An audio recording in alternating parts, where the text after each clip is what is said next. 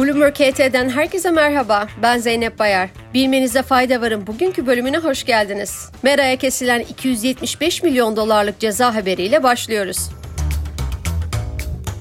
Facebook, Instagram ve WhatsApp'ın çatı kuruluşu olan Meta, geçtiğimiz yıl 500 milyondan fazla kullanıcının kişisel bilgilerinin sızdırılmasına yol açması nedeniyle Avrupa Birliği tarafından 275 milyon dolar cezaya çarptırıldı. İrlanda Veri Koruma Komisyonu tarafından geçtiğimiz yıldan beri Meta'ya verilen cezaların toplamı 900 milyon doları aştı. Eylül ayında aynı düzenleyici kurum çocuklara ilişkin verileri kötüye kullandığı için şirkete yaklaşık 400 milyon dolar para cezası vermişti.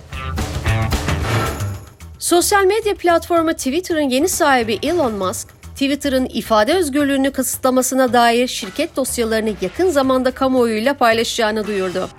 Musk, Twitter üzerinden yaptığı açıklamada, kamuoyu gerçekte neler olduğunu bilmeye hak ediyor dedi.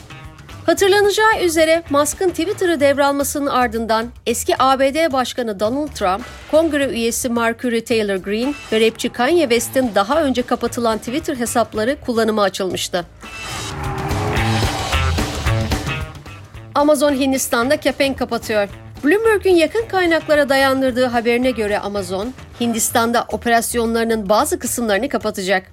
Şirketin bu kararı hakkında konuşan kaynaklar, işten çıkarmaların birkaç yüz kişiyle sınırlı kalmasını beklediklerini bildirdi.